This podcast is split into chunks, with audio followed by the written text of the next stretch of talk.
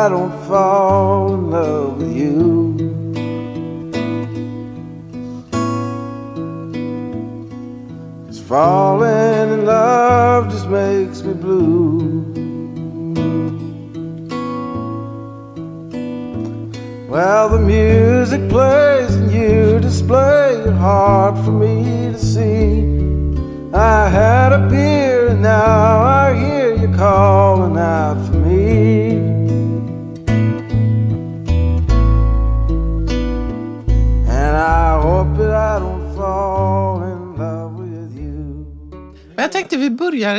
associativa.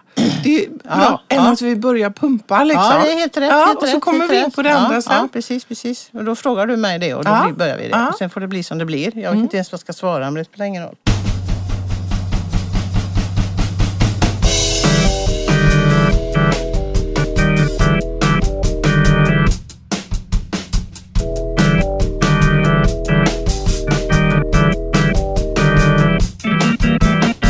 Ja. Lena, Ja, då var. Mm. vi här igen som vi brukar säga. Och dagens tema är ju ensamhet. Mm. Mm. Och vi har funderat lite kring ensamhet. Och läst lite grann och funderat och gått till vår egen ensamhet och tittat. Och. Men jag tänkte fråga dig, vad, vad tänker du på när jag, när, när jag säger ordet ensamhet? Det är egentligen väldigt mycket därför det är dubbelt för mig. Det är både liksom en... Alltså man har ju en enorm rädsla för ensamhet i en mening, att bli ensam, i meningen övergiven och så. Samtidigt så är det ju väldigt skönt att vara ensam. Så det finns ju också en längtan efter ensamhet, så det är ju väldigt dubbelt.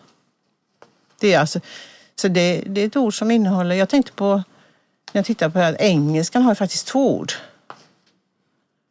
Alo- lonely och alone. Och jag tror att lonely betyder mer ensam, övergiven. Som kan vara ett enormt gissel för en människa. Och det andra är alone, att vara för sig själv som kan vara en frihet och en enorm viktigt och behagligt på alla sätt och vis. Mm. Så det är väl väldigt svårt att... Jag får, jag får många olika associationer naturligtvis. Sen har vi ju corona nu som är... Blir folk mer ensamma nu på grund av corona eller tvärtom? Det är väl en väldigt intressant fråga. Faktiskt. Ja, det är det. Och jag, jag tänker på de här väldigt speciella tiderna för vi kan ju inte liksom komma ifrån att prata om det. Vi lever ju mitt i den här coronatiden nu. Som gör ju att människor sätts i karantän och jobbar hemifrån. Och, och, och jag tänker att det är en, en väldigt, väldigt speciell tid att människor tvingas hem. Och det gör olika saker med oss. Mm. Jag tänker det här att man ser ju Dels så, så förstår man ju att det är många människor som har varit enormt stressade. Helt plötsligt tar livet paus. Ja. Och man kanske får tid att hämta barnen från dagis i tid och man hinner laga den där middagen eller på... Alltså det finns ju den delen av det här. va? Jag tänker att det är också väldigt säkert två, om man tar två ytterligheter. Det finns säkert familjer till exempel där man kanske för det, det sker ju också en möjlighet till reflektion eftertanke nu. Att man tänker så här, nej vi kanske inte ska jobba så mycket. Vi kanske ska tänka på ett annat sätt. Vi kanske ska flytta ut på landet. Och, Alltså det blir viktigt. Och så finns det den andra ytterligheten naturligtvis där de dysfunktionella familjerna det tar i ytterligare både med kanske missbruk och våld. Va? Där barnen blir väldigt ensamma i sina eh, där föräldrar och sånt, där det inte fungerar. Och vi handleder ju mycket i skolor och när det rör barn och så. Och, och den känslan tycker jag mig också, det är den andra delen som du säger. Att man också förstår att fattigdom har ju en betydelse här. Att lever man kanske tio personer i en liten trea så blir det här enormt ansträngt. Och speciellt för barnen. Alltså det här att få komma till skolan och komma ut och föräldrarna gå till sina jobb. Det är också en enorm liksom, det är något viktigt med det att alla har sitt. Och helt plötsligt så tvingas människor ihop. Jag menar familjen som vi har sagt eh, förut kan ju vara ett väldigt, väldigt snävt kollektiv. Mm. Och det vet vi ju nu att eh, jag hörde på radion i morse bara att i Frankrike hade tydligen våld i nära relationer gått upp med 25 procent. Mm. Och man hör ju det att det är fler anmälningar till socialtjänsten. Ja, och då tänker jag också, eh, och även alltså barn som, som utsätts på olika sätt tvingas ju nu kanske leva med sin förövare väldigt tätt. Mm. Där skolan har varit en trygghet. Ja. Och därför tycker jag, det kan man ju diskutera, men det, det är väl så man tänker i Sverige när man inte stänger skolor för barn. Att man tänker också att det är en, en trygg miljö ja. och en, att allt pågår som vanligt. Ja. Och att det här blir väldigt olika i olika kulturer. För jag eh, läste häromdagen att eh, det var i något land nu i Mellanöstern där alla sattes i karantän. Och helt plötsligt så, där man har en väldigt strikt könsordning, det vill säga att det är kvinnorna som tar hand om barn och hem och mat och så. Och mannen är ute och jobbar och helt plötsligt så är han hemma Mm. och förväntas att bli serverad te varannan timme. Och då var det några kvinnor som har, för det var tydligen så att gick man ut på gatan och inte skulle gå och handla bara så kunde man häktas. Och då var det flera kvinnor som hade stått utanför polisen och bett om att få bli häktade bara för att kunna komma hemifrån. Det tyckte jag var lite så. För man stod inte ut Nej. med att det här, den här liksom strukturen förändrades. Annika Koster och Lena Lundqvist är socionomer och legitimerade psykoterapeuter. De är verksamma vid Göteborgs psykoterapiinstitut. De pratar på om psykoanalytiskt tänkande och psykoterapi. Så gemenskapen med andra är ju liksom, alltså kopplat till ensamhet så är ju liksom kontakten med andra och gemenskapen med andra människor också som Maria Törnqvist skrev, en journalist i Aftonbladet, en, en själslig korsett för oss människor. Det håller oss ju i världen också. Va? Och det är ju det som är det här du beskriver, den här eh, ångestfyllda delen kring ensamhet. Det är ju att inte vara hållen om något eller någon. Utan vara liksom fritt svävande utan kontakt med någon. Och det är ju fasa. Jag läste ett väldigt fint ordspråk som var, tror jag, så här att den största ensamheten det är att inte vara i någons tankar. Ja, precis. Det är verkligen den Ja, det är ju alldeles sant. värsta bilden för en total ensamhet. Ja. Jag, jag tänker på att vi kanske ska börja med, eh, och liksom, för det, ensamhetsbegreppet är ju så komplext. Mm. Och lite grann har ju vi tittat på vad Bengt Brylde har skrivit om ensamhet. Han har ju forskat kring ensamhet tillsammans med en kollega som heter Filip Fors och gjort en stor europeisk studie på hur människor i olika länder upplever ensamhet. Men han beskriver ju, och det är ju så, det finns ju olika ensamhet här. Dels den här existentiella ensamheten. Och, och, som innebär att vi alla vet att vi föds ensamma och vi dör ensamma. Mm. Och känslan av att det är ingen som riktigt förstår vad jag känner eller vad jag tänker här inne. Nej. Man kan ju vara bland människor men ändå uppleva att det finns ingen där Ja. som riktigt förstår mig på djupet. Ja. Och Jean-Paul Sartre han beskriver detta att, att den här existentiella ensamheten det är också det som är drivkraften för oss människor att skapa mening i våra liv. Alltså att vi vet att vi är ensamma från början. Att vi vet att vi i någon mån alltid kommer att ha att vara ensamma. Att den också får oss att sträva efter gemenskap och mening i våra liv. Det är den ensamheten. Sen pratar han också om, eh, om eh, social ensamhet. Och det är ju att man lever utan liksom band, alltså till bekanta. Alltså att man inte har ett nätverk. Och social ensamhet kan ju vara kortvarig, alltså som nu under corona. Att människor lever ensamma, alltså väldigt situationsbetingat för att sen upphöra. Men det kan ju också vara av en mer kronisk karaktär. Att man är mer ensam. Och sen pratar han också, eller de pratar om Och den emotion- sociala ensamheten är också intressant för den har väl att göra med en del mätverktyg. där Man mäter ensamhushåll och fler. Ja. Och det, det stämmer ju inte. Det är viktigt. Det, det är ju inte alls att antal ensamhushåll, det är ju en social beskrivning av hur folk lever. Det kanske inte korrelerar till att man känner sig ensam. Nej. Det. Så det är olika saker.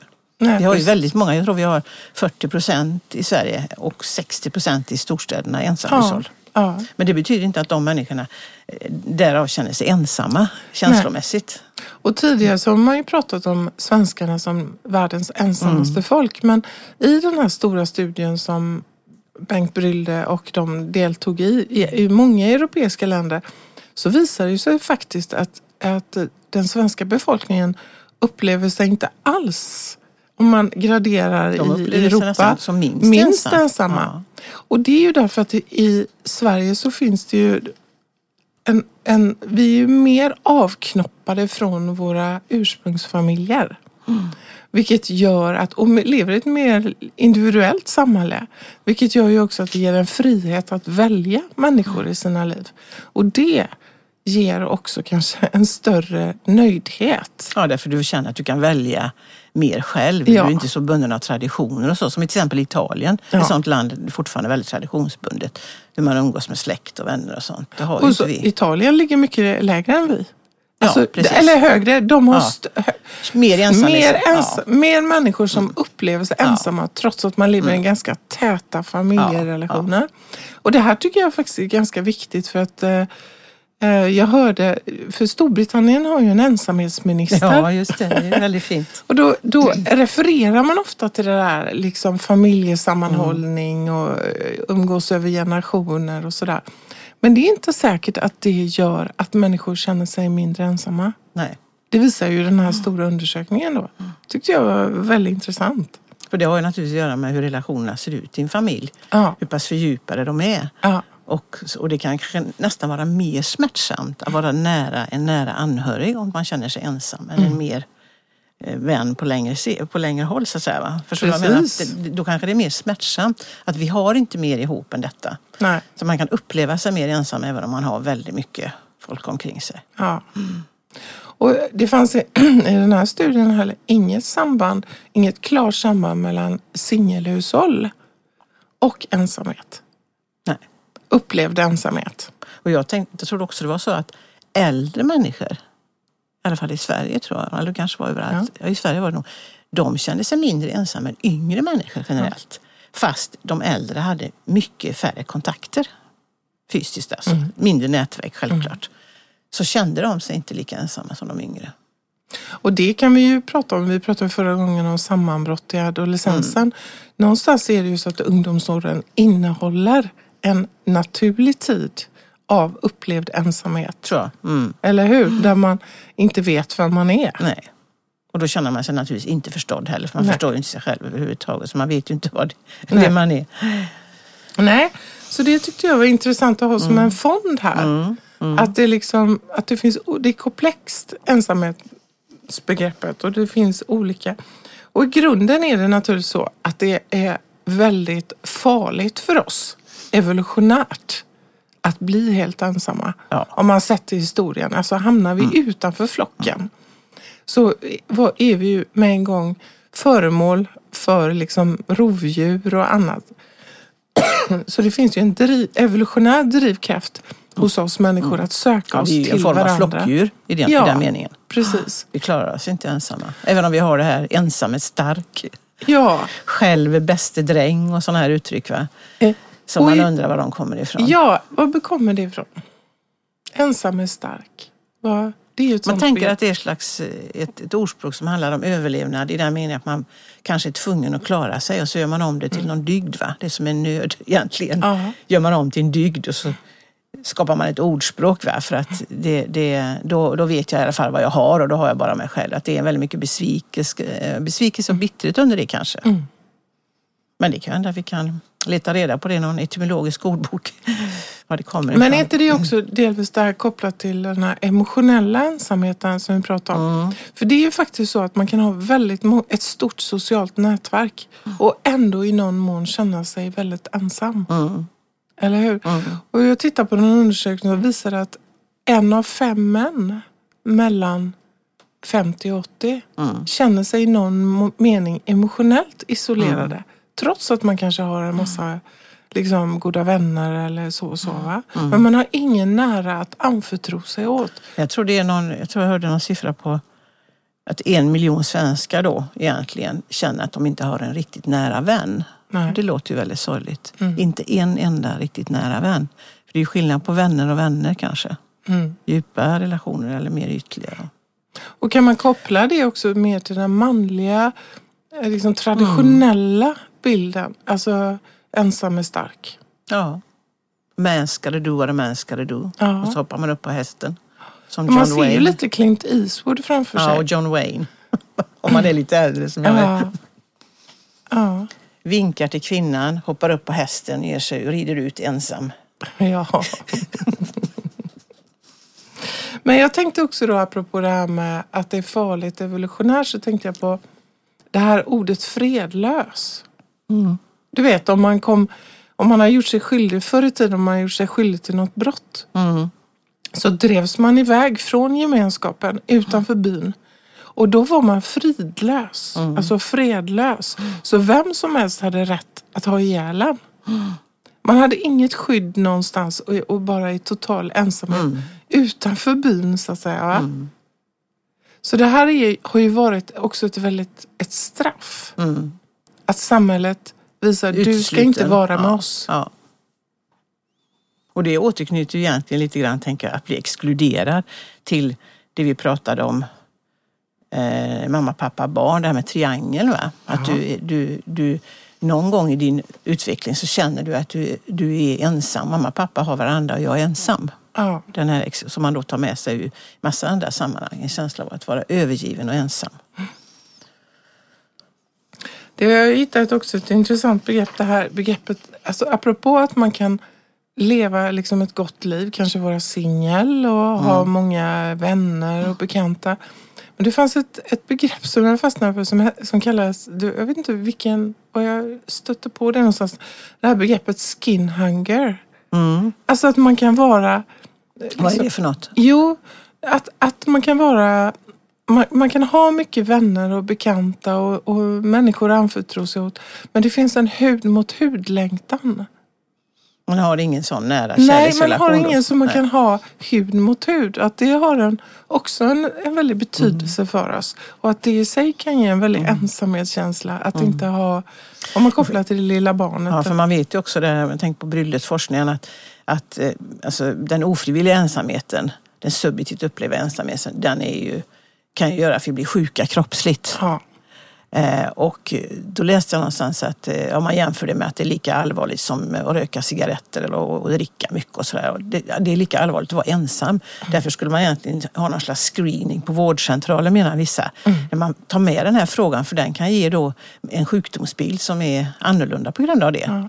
Och då, då jag tänkte jag ska säga, det var apropå screening, det var det här att de som har smärt eh, sjukdomar som är väg, det är då, tror man också förvärras av ensamhet. Och det Ja. läkare som så. Och, eh, men däremot beröring, alltså hudberöring, minskar smärtan, känslan av smärta. I sådana här med diffusa smärtsjukdomar där man inte riktigt vet orsaken. Ja, att det kan finnas i skin hunger. Ja, alltså att man. Ja. hudhunger, Ja. att man lä- längtar Ja. Mm. efter hud, behöver hud. Och det kanske också är det som är, jag tänker, jag tänker också nu på, på sjukvården och så. När man all, alltså det här omhändertagandet och, Mm. och handen på pannan och med människor som är svårt sjuka. Vilken Ja, och så betydelse. nu i corona, alla nu äldre som stängs in här i flera månader. Det kan, kommer väl in, innebära sjukdom och död för många av dem. Att man inte har någon som helst kontakt med anhöriga. Och vilken press det sätter på den personalen som nu är på de här äldreboendena. Att försöka kompensera kanske. För där blir det ju väldigt tomt runt om. Ja. Riktigt gamla. Och också om man är gammal och eh, får corona och ska ligga och dö. Ja. Och inte får prata med sina nära anhöriga. Och, inte, och ingen kommer på begravning. Det är ju massa sådana saker som också förändras nu. Ja. Man får inte ta ett bra sista farväl. Och, för man får inte, så det är... Alltså med det här med ensamhet, det pratas ju mycket om det och ibland, alltså för vi kommer komma in lite mer på den psykoanalytiska synen på Mm. ensamhet och hur man jobbar i terapi med detta och så. Men ibland stöter man ju på, det har ju vi sett nu när vi har läst lite och kollat lite och sådär också kring ensamhetsbegreppet, att det är ju väldigt mycket sådana här, liksom, man kan få på recept så att man ska delta Mm, i olika grupper. Och jag tänker att det är inte alltid att det Nej. fungerar. Nej. Nej. Det är det här med att det kan vara nästan vara lite cyniskt att säga att du får använda dig till en kurs i keramik och dreja lite så mår du bra. När det kanske är så att, det skriver ju Brillom också, att när ensamheten blir kronisk så kan det bli en ond cirkel. Att personen själv känner sig så omöjlig i sociala sammanhang så den till slut inte går ut. Och den misstolkar mm, även vänliga signaler eller inbjudande signaler. Misstolkar en person som har fått en sån, för det är ju sån skam, vi får inte glömma det här med, det är mycket skam kring ensamhet. Och det är väldigt få, så därför undrar jag när man gör en sån här forskning. Det är nog svårt att veta om man får in rätt svar. Därför det är inte så många som basunerar ut att de är ensamma. Utan de säger eh, också att de kanske är deprimerade istället. För det är en diagnos då. Va? Men det kanske också är ensamhet under det. Så det är väldigt mycket skam kring detta. Det är liksom en fattigdom. Och det är låg rang, det är lågt socialt status. Det finns ju en del sjukdomar som ändå har en viss status. Men, eller diagnos. Men det här att vara ensam. Och därför kanske man inte pratar om det när Nej. man kommer till doktorn. Nej. Att, att jag känner mig så otroligt ensam. Jag har bara min Nej, och lilla därför lägenhet. menar man väl att det skulle ligga på, på vården att undersöka det ändå. Ja. För man kommer inte att säga det utan man kommer säga att man har ont istället. Mm. Eller någonting annat. Och då måste man ha ett annat frågeupplägg så att säga. Eller en Mm. annan sätt att få fram det då. Du har inga meddelanden. Huvudmeny. För att ändra inställningar, tryck 2. För att få information om in och urkoppling, tryck 3. Önskas hjälp, tryck 0. Samtalet avslutas. Välkommen åter. Ur lugnet av Thomas Bannerhed. Ja, nu har vi pratat om de olika. Ska vi komma in lite mer på det här, vad det faktiskt innebär i terapirummet? Mm. Vad har du tänkt kring det då? När jag började först att tänka, med, eh, tänka om det här med, är man ensam som terapeut? Är det ett ensamjobb att vara terapeut? För man jobbar ju ofta ensam. Känner man sig väldigt ensam i det yrket? Och då kom jag faktiskt fram till att det gör man kanske inte alls för att man är, apropå det här att alltid vara i någons tankar, man skapar ju relationer ändå. I och för sig på artificiell väg, men det är en relation i rummet som gör att man alltid är i varandras tankar. Så att jag tror att inte att man känner sig så ensam, även om man jobbar ensam ibland kanske. Nej. Och kan sitta på små mottagningar också och vara väldigt ensam. Men det vet jag inte, men, men man tänker det en, Men sen inne i terapirummet så är det ju... Alltså egentligen kanske man kan säga att terapi handlar ju väldigt mycket om att kanske återuppväcka de stora kä- känslor av ensamhet som man har varit med om. Eller på något sätt få kontakt med dem, smärtan i dem. För att sen arbeta med det i överföringen i rummet och sen så småningom kanske lämna genom att man kan bära lite mer av och även se, känna, eh, få en förmåga att vara ensam, att känna att det är behagligt, att det är berikande, att det är livgivande och så. Det kanske handlar väldigt mycket om det. Ja, precis. Och, och där har vi ju, både du och jag läst en bok som vi har som av en fransk författare som heter Quinaudot. Mm. Som har skrivit att tämja ensamheten. Och precis som du säger, det kanske är det som är det skälet som människor söker terapi. Alltså att stå ut med sin egen ensamhet. Mm. Därför att man, det kan, man Både kanske, då i subjektiv och objektiv mening får vi ju säga. Alltså Ja. Det behöver inte vara att man inte har någon folk omkring Nej, sig. nej. Men man har en inre stark känsla av Ja, ensamhet. existentiella. existentiell, Att stå ja. ut med den existentiella ensamheten. För jag tänker så här om man får in en patient till exempel som upplever sig övergiven i alla relationer. Man går in i, i det med, med buller och bång och blir förälskad och, och sen upplever man sig gång på gång övergiven. Och jag tänker att ett arbete med en sån person eller en sån eh, patient som kommer kan ju faktiskt vara att det, det som du och jag brukar prata om ofta, det här med överföring. Mm. Att det som patienten bär inom sig, att ständigt bli övergiven, det kommer att visa sig i relation till mig då som terapeut eller till dig. Mm. Och att patienten kommer spela upp scenen, Mm. det inre dramat. Och det kommer att visa sig i ramen. Därför Ja. att den terapeutiska ramen är ju en situation av att vi ständigt överger våra patienter. För det är faktiskt vi som sätter ramen. Vi bestämmer att det ska vara 45-50 minuter och nu är det slut. Mm. Och därför så är det ett möte om separation varenda gång. Och då väcker det ju till liv en, en, en, en terapeutisk situation väcker ju till liv separationsångesten väldigt starkt. Och därmed känslan av ensam, att vara ensam och övergiven. Faktiskt. Och det kan ju också bli så i allra värsta fall. Att säg en, om vi tar den, den här patienten som, som jag tänker på då. Att man kommer till terapin därför att man ständigt upplever att andra människor överger en och sviker en. Och sen, men det finns ingen medvetenhet hos patienten om att patienten själv överger. Nej. Nej. Så säg, man kanske kommer, man börjar komma varje vecka. Så småningom så kanske patienten börjar utebli. Mm. Mm. Och så sker det upprepade gånger och, och jag som terapeut kanske försöker ö, ö, föra in det, börja prata om vad är det som händer i det här. Hur, vad är det, hur ska vi förstå det som händer i att du bokar av eller inte kommer. Och till slut kanske det också väcker det vi pratar om motöverföring, min motöverföring. Så jag börjar tänka, nej men den här patienten vill nog inte. Nej. Och så avslutas terapin. Mm.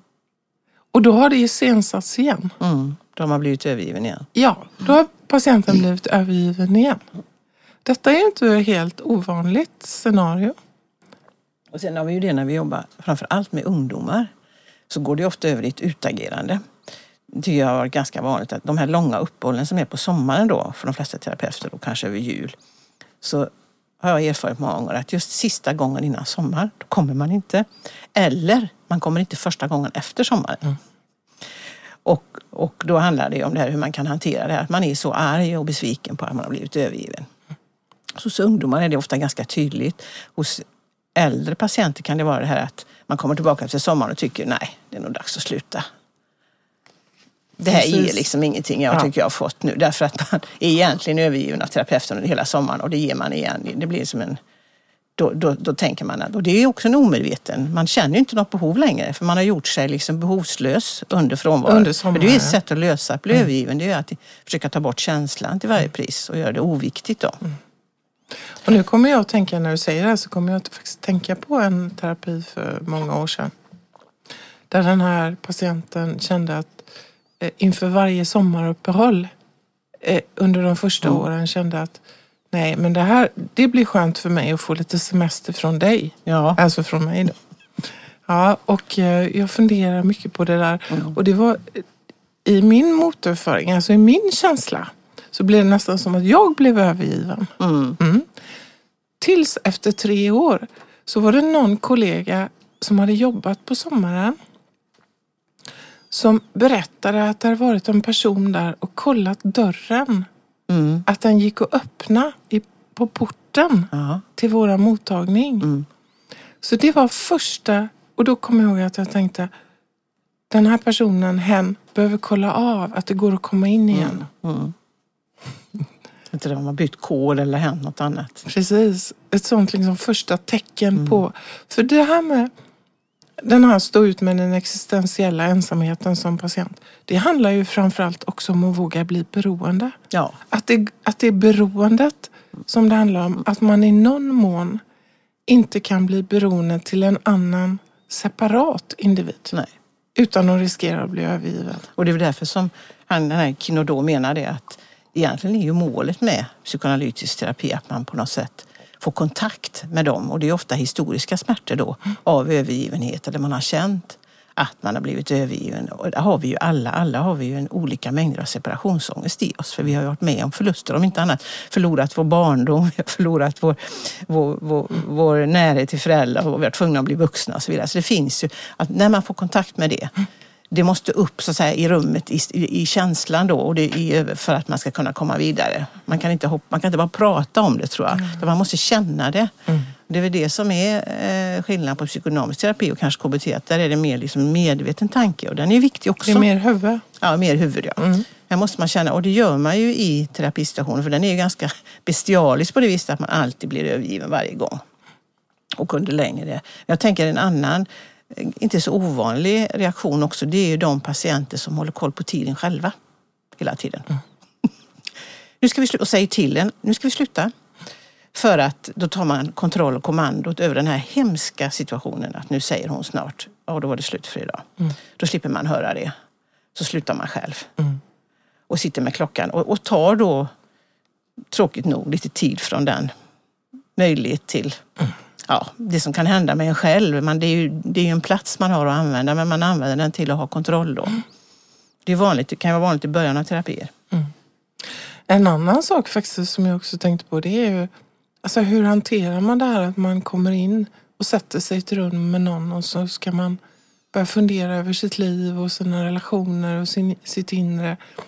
Alltså någonting som jag har, som jag har mött flera gånger det är också det här att man eh, när man precis har börjat sin terapi och går in i en relation så blir man häftigt förälskad utanför rummet. Mm. Som ett sätt att maniskt liksom förneka Ja. att oj, nu är jag på väg i någonting som kommer att bli kanske ganska jobbigt för Då mig. hittar jag någonting annat Ja, utanför. så byter jag Jag kommer ihåg att Sigmund Freud, den store, han, hade ju liksom, han läxade ju upp sina patienter, i alla fall i början. Och de fick ju inte starta några nya källsförhållanden, inte avsluta dem de hade, inte starta några nya. De fick inte heller byta jobb och sådana saker tror jag. Alltså det var ju en tanke om att man ska inte förändra någonting. Det har väl levt kvar ganska länge. Så kan man ju så tror jag kanske att det är något bra med det. Men det går ju inte i vår tid naturligtvis, när det är sådana omsättningar på relationer och människor. Men att det var en tanke om att Ja. man... alltså, Man behöver ägna ja, detta Då tid. kan man bli mer introspektiv så att säga. Ja. Men jag, tänkte, jag tycker att Quino då, eh, om, man nu, om vi uttalar det rätt, Ja, det vet vi. Jean-Michel. Jean-Michel, ja just det. QU Men jag tycker någonting. att han har en väldigt fin beskrivning av vad som händer. Apropå det här med att för, i en terapi eller en analytisk situation att nå den här, eller nå, men att liksom för patienten så småningom kunna stå ut mer och mer med sin existentiella ensamhet. Han beskriver ju det som att en patient eller en person som kommer till terapi har liksom statiska tablåer inom sig. Om man tänker sig en teaterscen Mm. så är scenerna helt statiska. Det händer liksom, det är samma pjäs som spelas upp om och om igen. Scenerna är exakt likadana, scenografin är exakt likadana. Och sen helt plötsligt, det som händer när patienten kommer till terapi, det är att terapeuten kommer in och stör. Ja. Herregud, vi har ju scenlagt här. Det är ju Ja. så här det ska vara inuti. Och så kommer terapeuten in och säger, men vänta lite. Berätta för mig, vad är det här för en scenografi? Ja. Vad är det som gör att det här står på exakt samma vis som det alltid har stått? Mm. Och bara närvaron av terapeuten väcker någonting som sätter saker och ting i rörelse. Och egentligen hans beskrivning av det tycker jag är jättefin för det beskriver liksom att så småningom så är ju liksom tanken att det ska bli när, när patienten börjar lita på Mm. den här eh, terapeuten och tillåter att bli störd så kommer någonting att hända här inne. Det kommer Ja, börja det är spelas egentligen att upp. tillåta sig att våga bli beroende eller känna av beroendet Ja. i relationen. Och samma scener som i patientens inre kommer att spelas upp i terapirummet. Mm. Exakt samma, kanske statiska, förstelnade Mm. scener. Men att de spelas upp ger en möjlighet Till förändring. till förändring. Jag tycker Det är en väldigt fin bild. Ja, liksom, Man kan se det Var det, framför inte sig. han, är det inte han som säger också det att de som är mest eh, bekymrade och får mest både aggression kanske och övergivningskänslor av de här, av ramen att bli övergiven över uppehåll så, det är de som också har svårast att vara nära. Ja. Så det hänger ihop. De är Precis. väldigt rädda för närheten till terapeuten också. Mm. Därför den är, man är rädd för den smärtan det innebär. Och sen skriver han ju det, och det är ju också Melanie Klein som vi ofta har citerat, också en teoretiker. Det är ju det här att vägen till det här, att så småningom stå ut med sin existentiella ensamhet, det är ju att den vreden också över det statiska får visas. Det är terapeuten som ska bära det. Ja, Det är ditt fel precis. under en period. Mm. På nå- Mm. ja. Men sen har han ett begrepp. Portans, ja. Ja. Det är väldigt, väldigt fint tyckte jag. Det var något helt nytt. ja. Eh, det finns ju många som pratar om det här med härbärgering, bion och sådär. Mm. Man, det handlar om att, så att säga, efter, efter ett visst sorgarbete, som Ankino då skriver också, att för att komma dit till att bära sig själv mer och mer så måste man stå ut med det här till exempel att, att, eh, att man är ensam egentligen. Enligt Erik From då det här, man, särskilt, alla människor är ensamma i någon mening. Va? Man måste tänka sig att det är möjligt.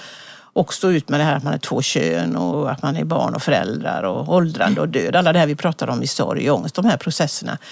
Eh, någon slags sorgarbete helt enkelt. Då skulle man komma fram till att man kan bära sig själv mer och då kan man också bära sin ensamhet eller till och med hitta en, en rikedom i det.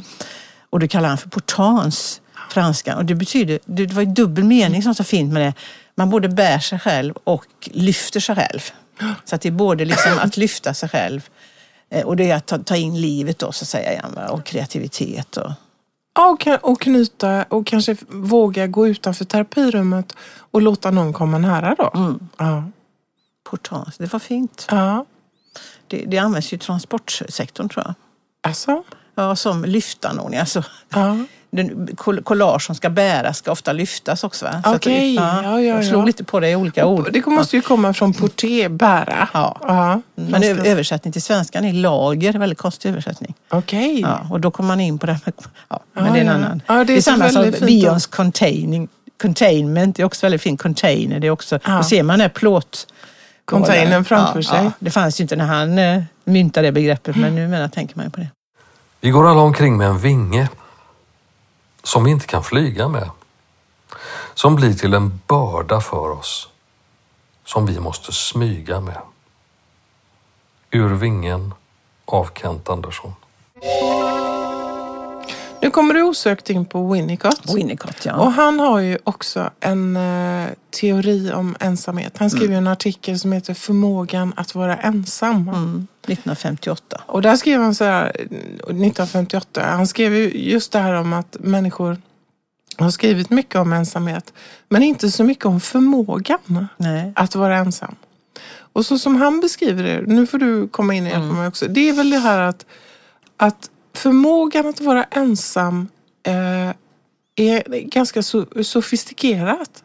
Och det kan först liksom, att man står ut med att vara ensam och vara, njuta av sin ensamhet och kunna slappna av. Att det egentligen kommer av att jag står ut med det vi brukar kalla för urscenen. Mm. Det vill säga att det finns två andra människor i mitt liv Mm. Som jag inte alltid vet vad de gör. De, bakom den stängda sovrumsdörren, mina föräldrars, så där, dit har jag inte tillträde, men det är okej. Jag kan sitta här på golvet och leka med mina klossar och njuta av min lek utan att vara det. Liksom, Mm. ja. Så han beskriver det väldigt fint det här att förmågan att vara ensam betyder att man har varit i närvaron av någon. Ja, det är en paradox. Han har ju ofta Ja. paradoxer. Han är egentligen väldigt komplicerad att läsa. Paradoxen är ju att den känslan uppstår och ganska tidigt i livet. Kanske till och med som spädbarn när man ligger på golvet och jollrar lite grann. I närvaro av en annan person. Av en ja. En. Allting börjar Och med en en. good enough, det här eh, till, eh, som i och för sig kanske är lite Minnikos begrepp. Där man har, man har alltså varit ensam i någons närvaro, i en persons närvaro. Mm. Det är nödvändigt för att sen kunna vara ensam. I relation till två. Ja, i relation till två, ja. Precis. Det är det vi var inne på, Mm. mamma, pappa, barn också. Det är samma resa.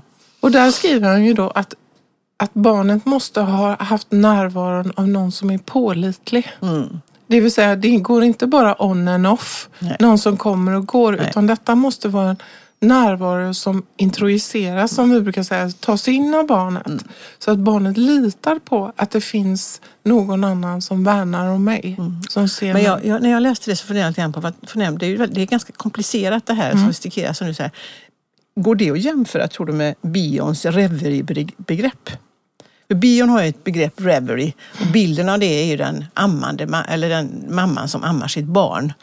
I, när hon sitter där, då låter hon sina tankar, associationer flöda, kanske tänker på andra personer, är fri i sitt tänkande. Hon är inte helt uppslukad bara av barnet.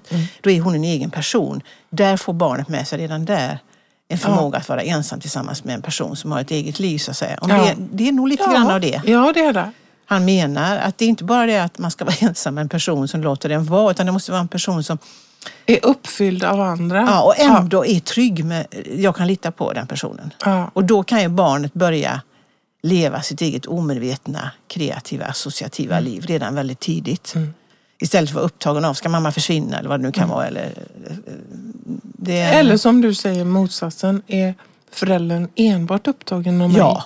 Det är också en, ett fängelse. Ja. Och mm, eh, blir svårt för den personen, det är barnet, att sen erövra eller ha den här känslan av att det går att vara ensam. Eftersom mamma inte kan vara ensam. Eller pappa Nej, precis. inte kan Nej. vara ensam. Ja, Ja. det är så du tänker. Ja, ja, det är så jag tänker. Och det är ju en inre Mm. omedveten process. Den är svår att beskriva. Men, men eh, om, jag är min, om jag är en mamma som har ett nyfött barn och sitter och ammar det barnet och tillåter mig eller försvinner iväg i mina tankar, kanske längtar efter pappa eller någonting. Då har jag ju redan där lämnat barnet men jag är ändå trygg och kvar. Medan den kvinnan som förnekar allt, det finns inga fäder, det räcker med mig. Det räcker med mig. Mm. Om man är väldigt mycket sån, att det räcker med mig och barnet, då kanske man förmedlar någonting annat som gör det omöjligt för barnet att få den här förmågan att vara ensam, som vi tänker. Ja, och kanske vi möter de personerna som vuxna individer sen. Som kommer till terapi för att man kanske har en känsla av att man har anpassat sig till andra hela livet. Mm. Det vill säga anpassa sig efter mammas of- Ja. eller pappas oförmåga eller Ja, förälderns precis. oförmåga. Att liksom eh, befolka sig med andra. Att inte bara ägna sig åt detta barn. Mm. För då känner barnet Ja. att det har eh, att det inte kan liksom vara fri att göra andra saker och vara separat. För det är ju någonting med det här med separation och vara separat. Det pratar ju Hanna. Ja, det, för jag menar, att för att få känslan att vara separat så måste min, min, min liksom omgivningsförälder också stå ut med det. I någon mening. Det är ju det vi pratar om nu. Nu finns det en del, jag, tänker, jag kommer tänka på en annan sak, apropå förmågan att vara ensam. Nu finns det en del som pratar om det här med i det här extrema mobilanvändandet. För vi har hamnat i en speciell kultur där man liksom hela tiden relaterar till saker i en liten apparat. Eh, och att det kan ha försvårat förmågan hos många unga att vara ensamma i den här ursprungliga meningen. Alltså ensam med sitt fria associerande, med sitt kreativa jag. Därför att så fort det blir en liten tråkig stund så gör man någonting med sin telefon. Eh, det var någon som sa att det är en ständigt flackande uppmärksamhet istället för en jämnt svävande uppmärksamhet som är Freuds begrepp då. Va? Att, att man så att säga, eh, det finns en oro kring det hos vissa personer idag. Att man för, förlorar någonting i den här ständiga mobiluppkopplingen och den här ständiga det här kommunicer- alltså det här relaterandet utifrån sin ensamhetskänsla till människor i, en, i, i den digitala världen. Det är klart att det kan vara bra på många sätt men, men det kan också skapa det här att jag missar det här med ansikte till ansikte. För i och med, vi pratar ju om det ibland när folk sitter så här på spårvagnen och så tittar ner. Man tittar ju inte på lika många ansikten längre. Och det var någon som sa att för att bli en emotionellt kännande och empatisk person så krävs det många möten ansikte mot ansikte. Och det, det, idag när det finns ett, både en föräldrageneration och en ungdomsgeneration som har hållit på med detta. Tittar ner hela tiden. Det, jag vet inte, det pratas ju om att en del ungdomar vill inte prata i telefon längre för då har de ingen kontroll. Utan de textar istället. Man tappar kontrollen i ett telefonsamtal bara. Och hur ska man då inte tappa kontrollen om man tittar på varandra? Så att det är någonting med det här att man förlorar förmågan Mm. eh, till ensamhet och introspektion och reflektion om man hela tiden förhåller sig till Mm. en apparat där man söker både bekräftelse naturligtvis och massa saker. Då. Mm. Eh, han, eh, Thomas Bannerhed, vet du, han är ju så underbar, mina favoritförfattare. Jag läste en intervju av honom om ensamhet. Han skrev den här sista boken heter Lugnet. Det handlar om en mycket ensam man i storstan som kommer från landet. Och, och det är en fruktansvärd historia. Men, men han säger det pratas så mycket om stress, men det stora folkhälsoproblemet är ensamhet, säger han då. Och eh, så kom då den här, de här sociala medierna och den digitala revolutionen och det skulle göra oss mindre ensamma. Men vad hjälper det hur många vänner man har på Facebook om ingen kommer och bär flyttlådorna när man ska flytta? Nej, det är sant. Det är liksom en skenbar ja. gemenskap. Mm. Eh, och ehm, ja, nej, det är intressant. Nu när vi pratar så tänker jag på Ekelöf, den här Jag tror på den ensamma Ja, människan. färjesång. Ja. Ja, och egentligen är det väl det vi pratar om och så som jag tänker kring Ekelöf. i den dikten. Just mm. det jag tror på ensamhet, alltså förmågan att vara ensam, stå mm. ut med det. Och det, det är ju inte lätt va? Det är ju inte lätt för oss människor och vi, vi, vi kanske att vi kastas hela tiden mellan, för jag menar den totala friheten mm. för människor, det är ju ensamhet. Mm. Och gemenskapen kan ju liksom hota och kväva oss. Vill vi ingå i alla sammanhang mm. så vi pendlar ju vi människor mellan de här polerna hela tiden. Det är, inte, det är inte lätt att vara människa som Strindberg sa. Jag tror på den ensamma människan. På henne som vandrar ensam. Som inte hundlikt löper till sin vittring. Som inte varglikt flyr för människovittring. På en gång människa och antimänniska. Hur nå gemenskap? Flyr den övre och yttre vägen? Det som är boskap i andra är boskap också i dig. Går den undre och inre vägen? Det som är botten i dig är botten också i andra. Svårt att vänja sig vid sig själv. Svårt att vänja sig av med sig själv. Den som gör det ska ändå aldrig bli övergiven. Den som gör det ska ändå alltid förbli solidarisk. Det opraktiska är det enda praktiska i längden. Ur Färjesång av Gunnar Ekelöf. Så kan det också vara i ett terapirum, just det att det finns, det finns en väldig ångest i rummet. När man sitter i terapirum och man pratar om olika saker och patienten hela tiden vill ja, vad ska jag göra då? då? Mm, alltså mm. att man inte står ut med att det, det finns saker och ting inom mig som inte, finns, som jag, som inte jag har svar på. Mm. Som, som jag kanske själv måste finna mina svar på. Så man ligger hela tiden och påkallar den andra. Kan du ge mig svar? Och det, det kan ju vittna om en enorm ensamhet. Mm. Att inte liksom orka vara med mig själv.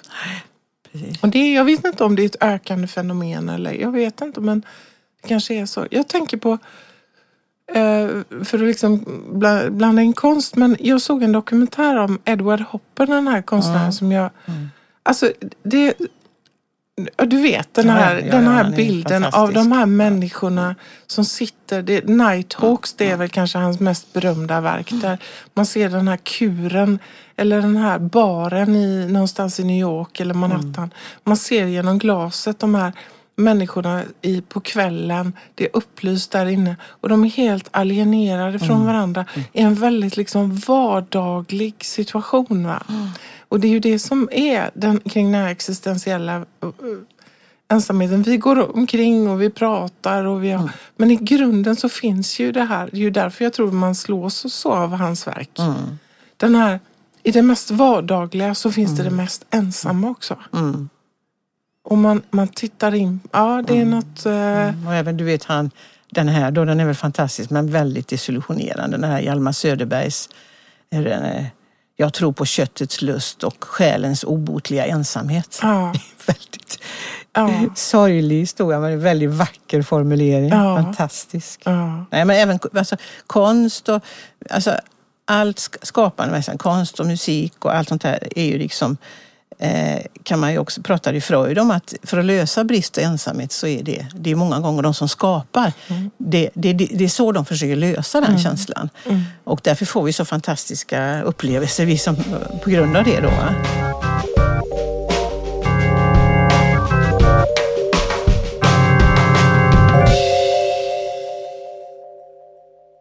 Apropå teater, film, konst, mm. musik så Winnicott skriver ju också det. Att det här liksom, det är ju precis som du säger, det är där vi han, han kallar ju det ett övergångsområde. Ja. Det tillhör ju den delen som hjälper oss att stå ut med den här existentiella ensamheten Absolut. och också omnipotensen på något mm. sätt. Att jag behöver inte ta ställning till är det här på riktigt eller inte? Nej. Utan det är, det är en vila. Mm i konsten. Mm. Jag, jag, det är på riktigt men det är ändå inte på riktigt. Och Nej. jag behöver inte ta ställning till det. Det är det som är mellan yttre och inre värld. Ja, ja precis som nallebjörnen ja, eller precis. så. Mm. Ja. Det kreativa, ja. Mm. Jag ska helst inte alls bli kär i dig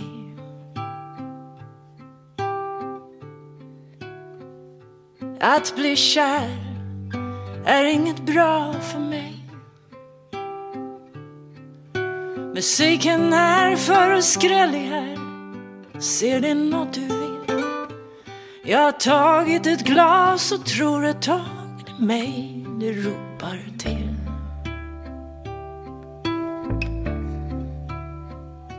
Och jag ska helst inte alls bli kär i dig.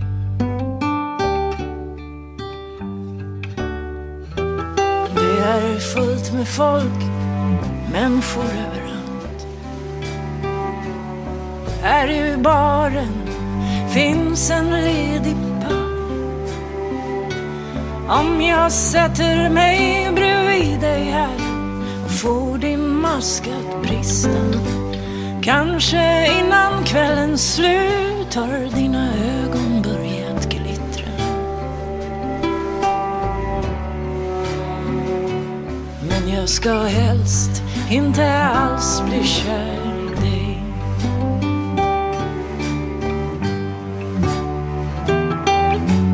Natten gör mig underlig ibland.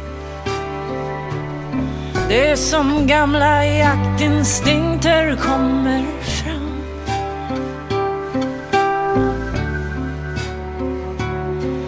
Jag snurrar runt och ser på dig. Du tar en cigarett. Jag skulle vilja be om en, fast vi har aldrig setts. Och jag ska helst inte alls bli kär i dig.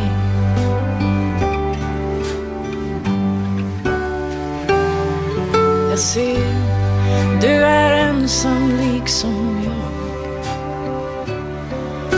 Det nu, ska vi vara två ett tag?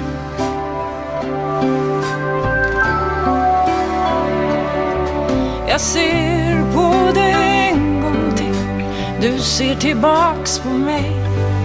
Din flicka har visst gått sin väg, det är ledigt bredvid dig.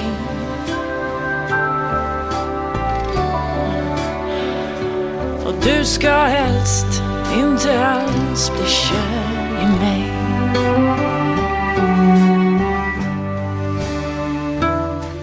Det är stängningsdags. Musiken har blivit svag. Ett litet glas till, sen får det vara bra.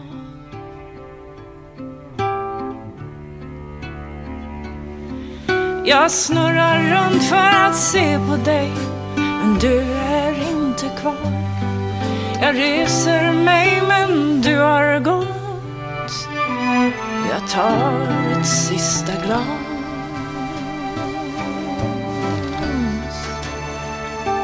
Och jag tror att jag just blev kär i dig.